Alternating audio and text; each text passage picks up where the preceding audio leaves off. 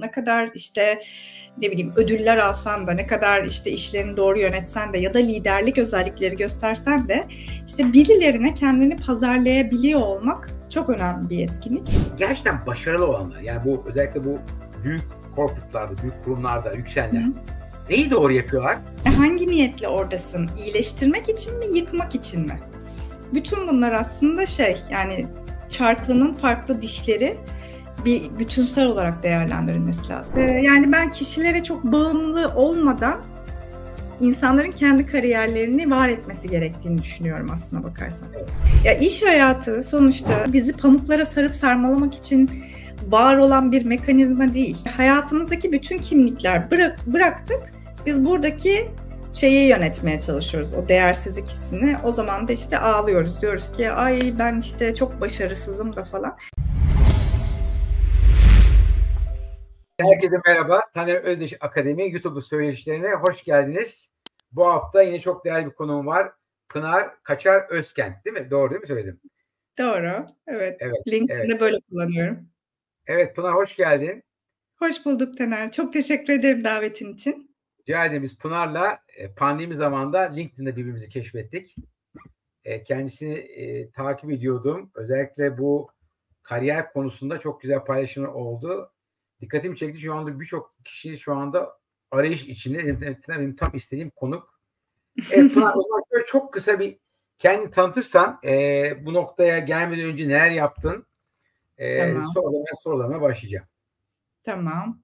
Ee, her standart e, işte 80 yılı başının doğumunda olduğu gibi daha doğrusu işte ben 80'de doğdum. Bana Y ve X arasında bir e, rol biçemiyor e, bu şeyler, jenerasyonlar.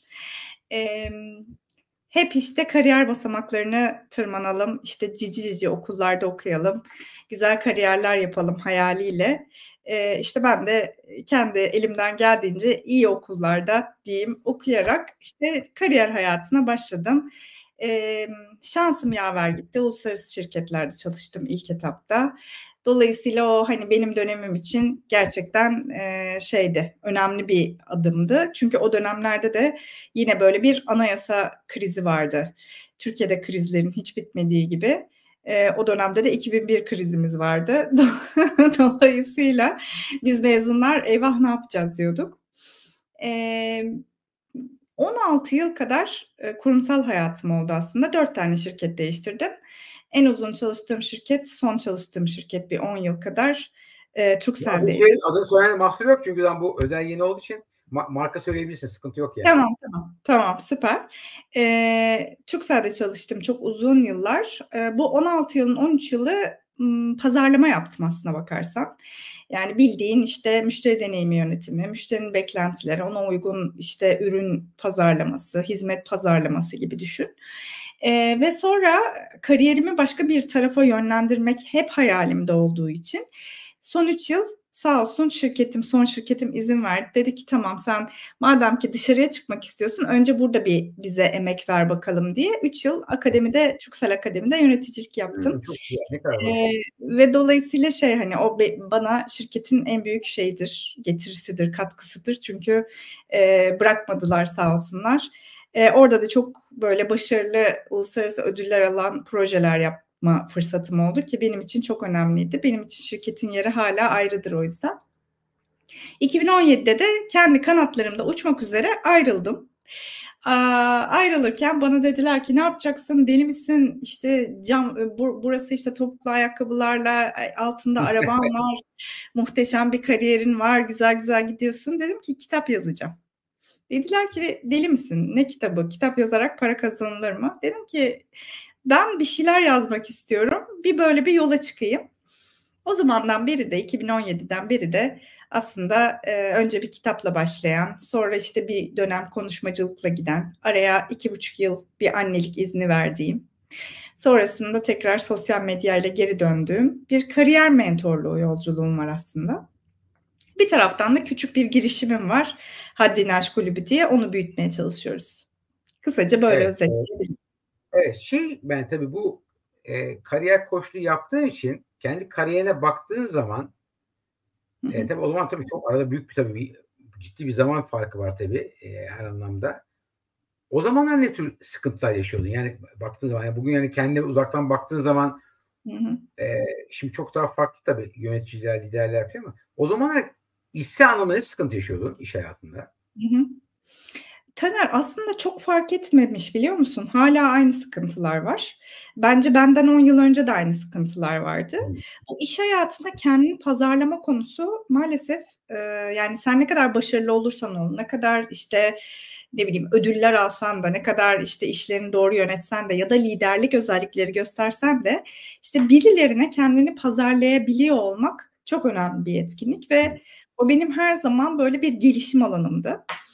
E, ne tuhaf ki hani mesela şu anda kendimi pazarlayarak aslında işimi yapıyorum ama şirketin dinamiği içinde onu yapmak çok zor. Çünkü o bana çok samimiyetsiz geliyordu.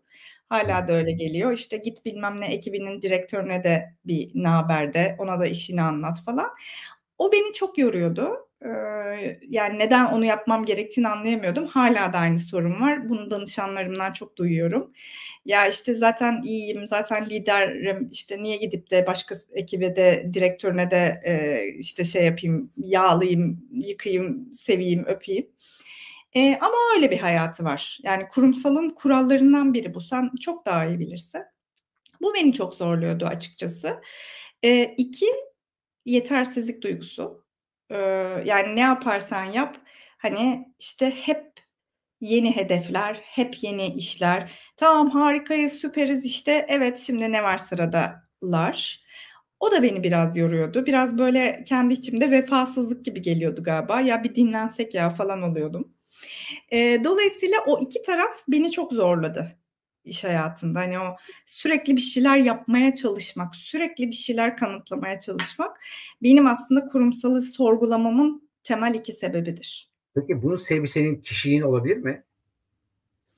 Hmm, e, yani ilki hani yani kişisel olman, mükemmelçik bir tar- tarafım var. Doğru. Ee, Doğru olabilir. Yani bu zaten mutlaka ki yetiştirilme tarzımıza kadar geliyor. Yani hani olayları bu kadar kişisel algılamak da doğru değil. Herkes aynı şeyi yaşıyor. Ama bazen yetkinliğimiz ona yetmiyor. Yani hani ben gerçekten mesela o anlamda işte kişisel pazarlama anlamında kurumsaldayken başarılı değildim. Mesela çok daha yetkin insanlar vardı. Hani bir de şeyler vardır ya böyle az iş yapıp çok yaparmış gibi görünen işte orada burada hep konuşanlar falan. Bunlar bana böyle yani herhalde kişilik değerlerim içinde samimiyet çok baskın. Bana o samimiyetsizlik rahatsızlık veriyordu. Ve fakat tabii ki bu kadar kişisel algılamak doğru değil. Şimdi hani danışanlarımla konuşurken de hep aynı şeyi söylüyorum. Yani burada mesela diyorum ki sana kim yetersiz hissettirdi ki bu konuyu ta iş hayatına taşıdın. Evet. Ee, do, dolayısıyla sorun çok doğru aslında haklısın. Peki iş hayatına baktığı zaman ben de şimdi yani kariyerime baktığı zaman ben de işte Amerika'da okudum geldim Türkiye'ye İktisat Bank, bir sürü banka en son Unilever level ve sonra şuna karar verdim kendine ilgili ki Unilever'den e, yani yarı işten atıldım sayılabilir. E, ondan sonra yani o da tabii şeyle alakalı bir şey tabii. Çok genç bir insan, çok hırslıyım falan. Yükselmek istiyorum. Tabii hiç kural falan tanımayan bir insan. O zaman dedim ki ben dedim şu karar verdim. Benden bir daha büyük şirketlere çalışmayacağım. Yani Turkcell, Vodafone, hı hı. Pepsi, Kesinlikle elim öyle bir şey yaptım. Kendime yemin ettim yani. Ve, ve şu anda bu noktaya gelmişsem doğru bir karar vermişim. Oralara yani, çünkü ben yönetilemez adamım. Yani benim annem de öder, eşim de öder. Ben kim, seni kimse yönetemezler. Hala şu anda hiç zaman kimse kendimi yönettirmedim. E, ama büyük şirkete yönetilmezsen de senin kapının önüne koyuyorlar. doğru, doğru, doğru, doğru. Ben ona otorite sorunum var gibi diyorum mesela seanslarda. Benim eşim de öyle, Bora da öyle. Ve şey yani asla yönetilemez bir insan olduğu için hani senin de eşin diyormuş ya çünkü o yönetilemez tarafınızı eve yansıtıyorsunuz. ben eşimle bir konuşayım istersen. evde yönetiyor bakma da evde yönetiyor beni. evet evet yani dolayısıyla şey otorite sorunlu olanlar için özellikle kurumsal çok daha zor yani büyük şirketler o yapıların içine sığmaya çalışmalar çok daha zor. Sen kesinlikle çok güzel bir seçim yapmışsın kendin için evet. tabii. Şimdi ben şimdi Türksel'e bakıyorum tabii Süreyya Civiller var işte o zamanlar Selinler vardı. Tam hmm. yani de, birçok dehanın yani muhteşem insanlar çalışmıştı orada. Ee, bir şey merak ediyorum yani baktığın zaman şimdi kariyer koştu falan yapıyorsun ya. Bu gerçekten başarılı olanlar. Yani bu özellikle bu büyük corporate'larda, büyük kurumlarda yükselenler. Hmm. neyi doğru yapıyorlar? E, Birçok yeteneği olan, iyi okumuş, başarılı insanlar neyi yanlış yapıyorlar? Öyle başlayalım. Hmm. E, bu başarılı şirketler e, yani benim dönemimde e, sonrası için konuşmak istemiyorum. Sadece o Süreyya Bey zamanının ekolüyüm ben aslında benim e, tanıştığım, tanıdığım Türksel tarafından bahsedeyim. Muhteşem liderlik örneği. Yani hayatımda her zaman anlattığım bir lider profildir kendisi. Zaten kitabı da çıkmış galiba. Evet, evet haberim var ee, hocam. Evet evet aynen ben de henüz almadım. Şimdi liderlik kasları çok güçlü ve liderlik e, koltuğuna oturttukları herkesi çok inceleyip sık dokuyorlar ve şirketin öyle bir kültürü oluyor ki e, bu kültüre entegre olmayan lideri yaşatmıyorlar.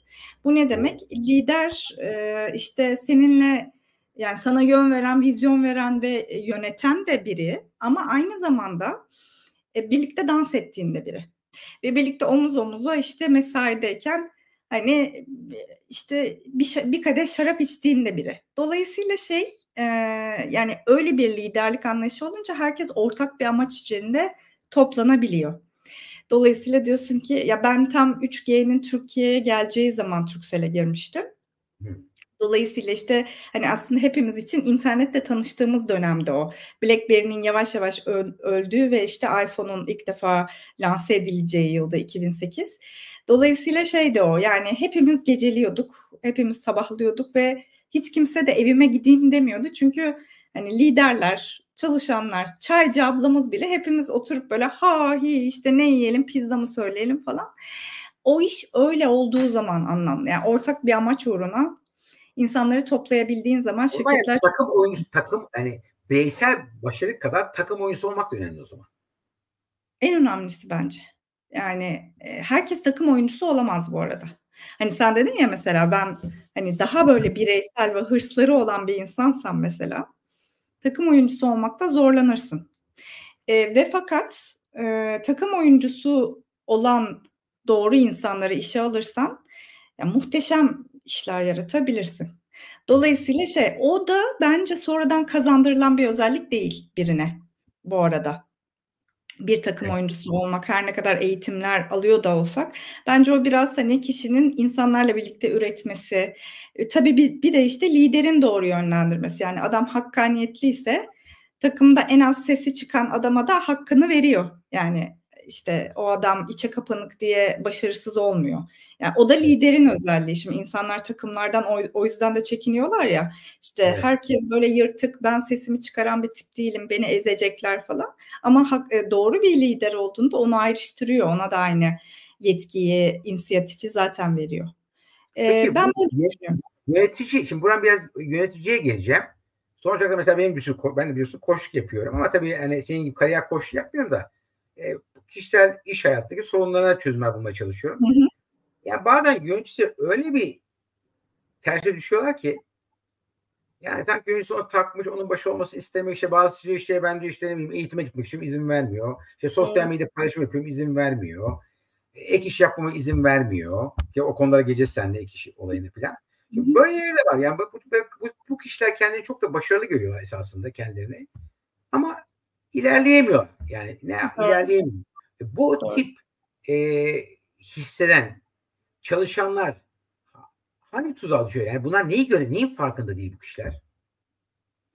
Ya iki taraflı sorun var aslında Taner orada. Yani yönet yani gerçekten hani eğitimini desteklemeyen veya gerçekten hani her şeyine karışan, mikro yöneten, bir atacağı maile bile dur ben bir bakayım önce falan diyen mikro yöneticinin de orada olmaması gerekiyor zaten. Hani orada şirketin yöneticileri konumladığı e, noktada seçici olmadığını düşünüyorum.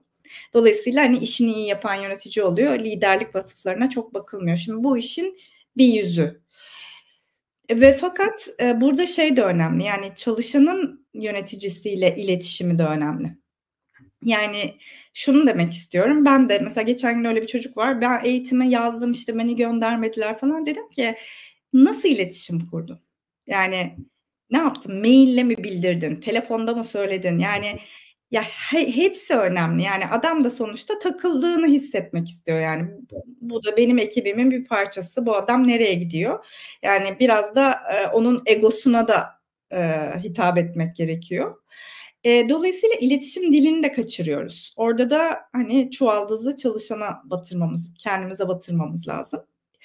E, ve fakat hani eğer konuştun, gerçekten işte anlattığın iletişim dilinin gerçekten yapabileceğin en iyisi olduğunu düşünüyorsun ve burada hala bir uzlaşma sorunu varsa o zaman ben ona niyet görüşmesi diyorum. Biraz niyetleri ortaya koymak lazım. Yani Şimdi şöyle bir şey var çünkü biz hep takdiri yöneticiden bekliyoruz ama yönetici de insan ve onu takdir etmeyi unutuyoruz ya.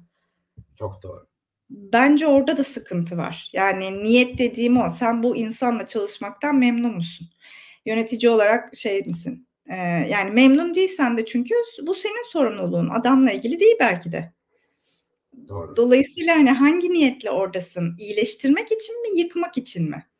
Bütün bunlar aslında şey yani çarklının farklı dişleri bir bütünsel olarak değerlendirilmesi lazım. Ben Türkiye'de e, yani iki gözlemim var. Ben aşağı yukarı 40 yılda iş hayatındayım. Yani bunu 35 yıl üst düzey yönetecek.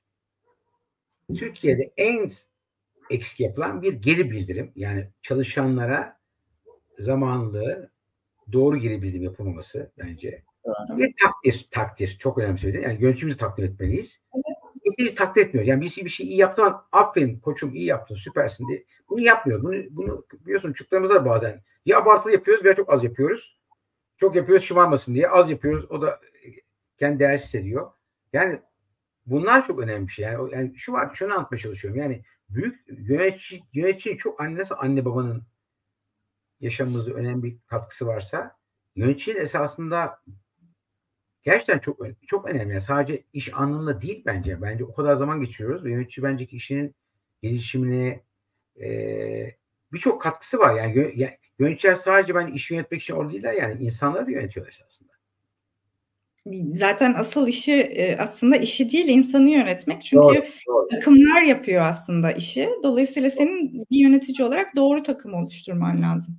Doğru. Ve bence anne babadan daha da önemli olmasının sebebi de 10 saat boyunca birlikte oluyor olman. Yani hayatının çok büyük bir kısmını onunla geçiriyorsun. Eşinle değil, çocuğunla değil, işte bir dostunla değil, o insanla, o takımla geçirdiğin için bence insanların yöneticileriyle ya da şirketleriyle ilgili dertlerini çok kişiselleştirmesi de bu yüzden. Çünkü adamın hayatı iş oluyor evet. ya da kadının ve dolayısıyla yani oradaki her şeyi genele yayıyor işte kendini değersiz hissediyor. Ne, ne olmuş işte aa yazık işte sana aferin demedim diye.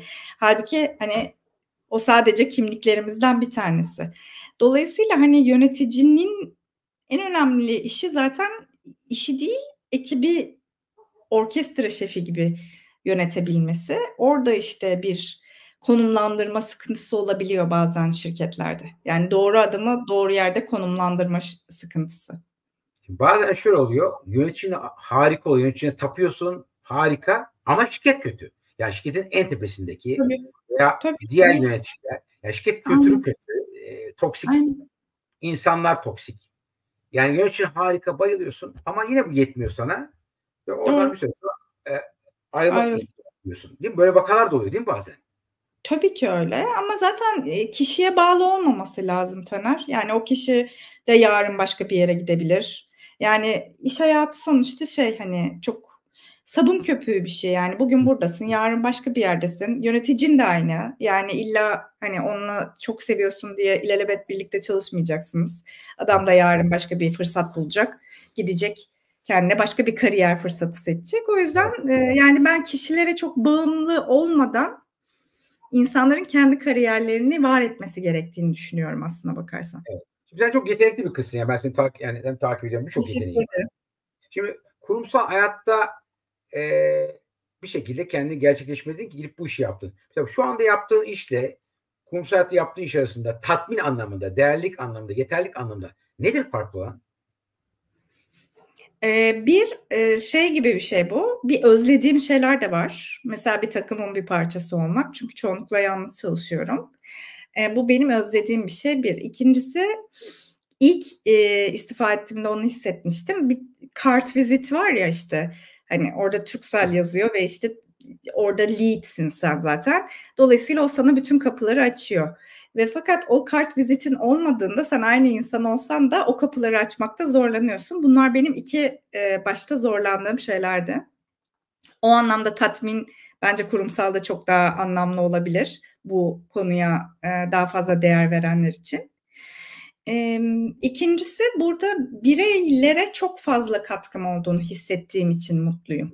Yani insana daha çok değebildiğim için.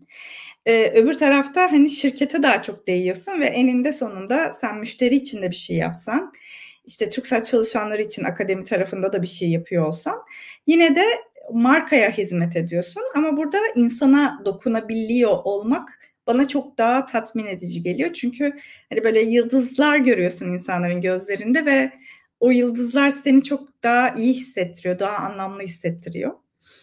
Ee, ben o yüzden kendi işimi yapmayı çok seviyorum. Ama bu çok zor bir yolculuk.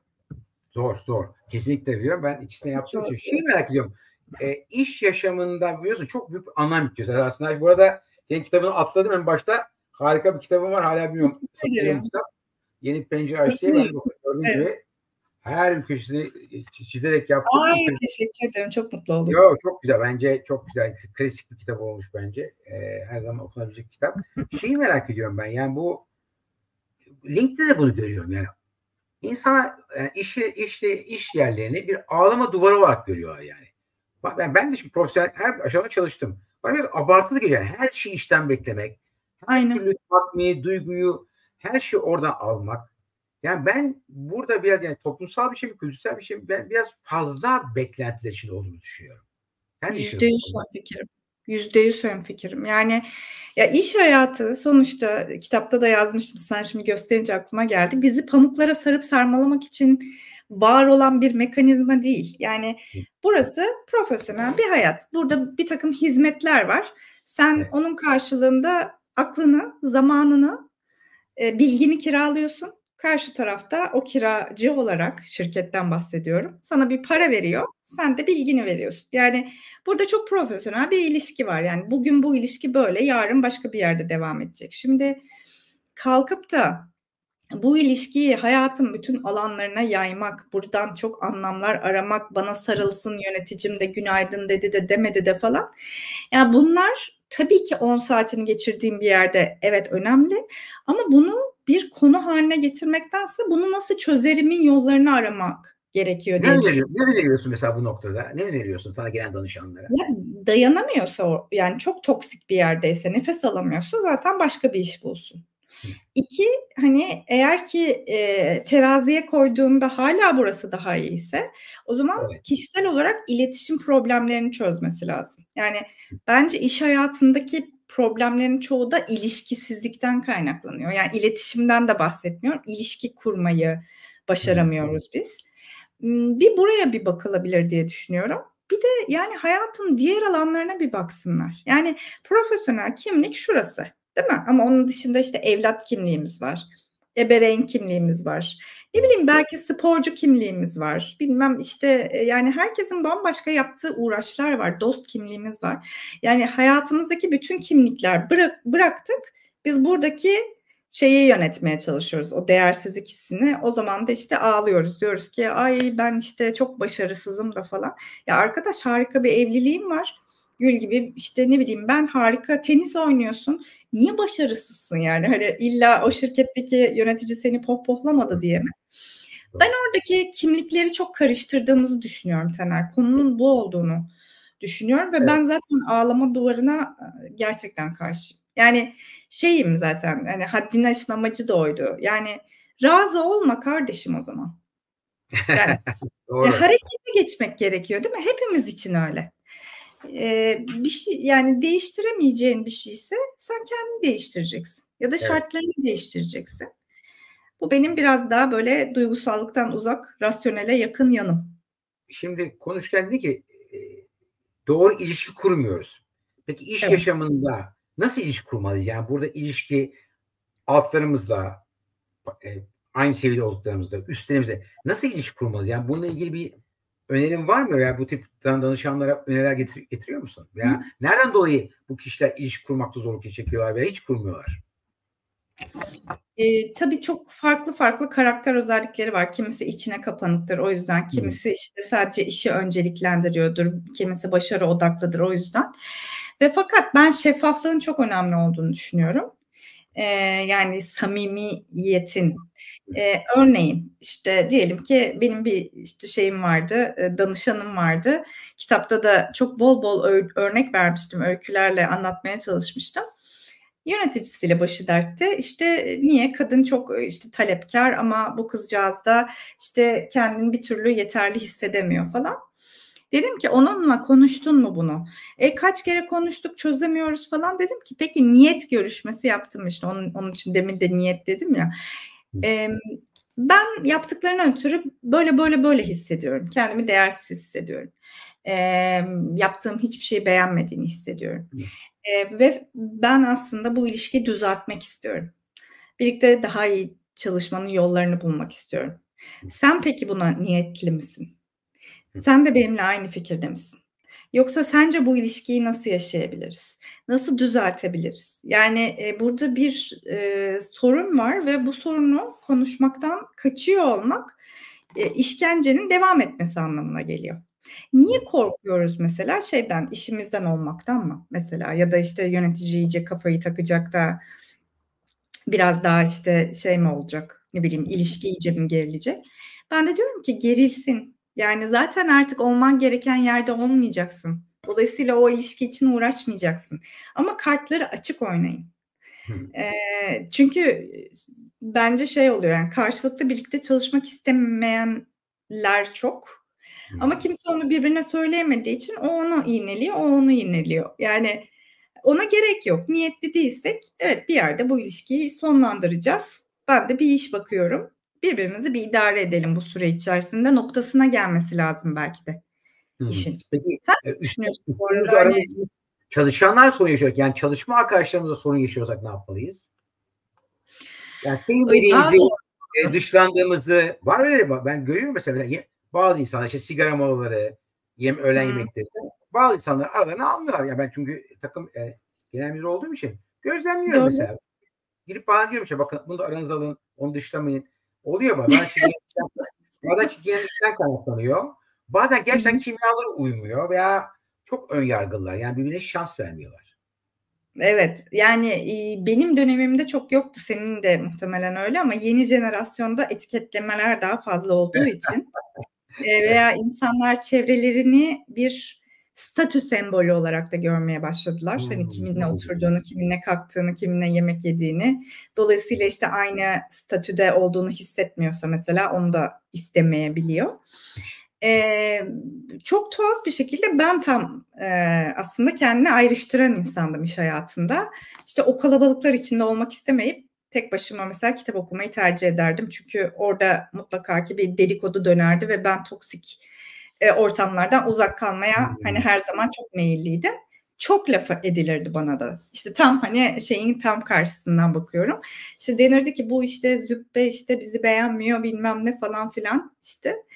E, iki taraflı da zor ama ben bir ilişkinin ittirilmesi gerektiğini düşünmüyorum. Yani senin de hani aranızı alın dediğinde aralarını aldıklarında nasıl bir deneyim yaşayacaklarını bilmiyorum aslına bakarsan. Ee, hepimiz erişkiniz. Hepimizin ilişkilerle ilgili öğrenecek çok şey var. Bence orada dışlanan kişinin sorumluluğu.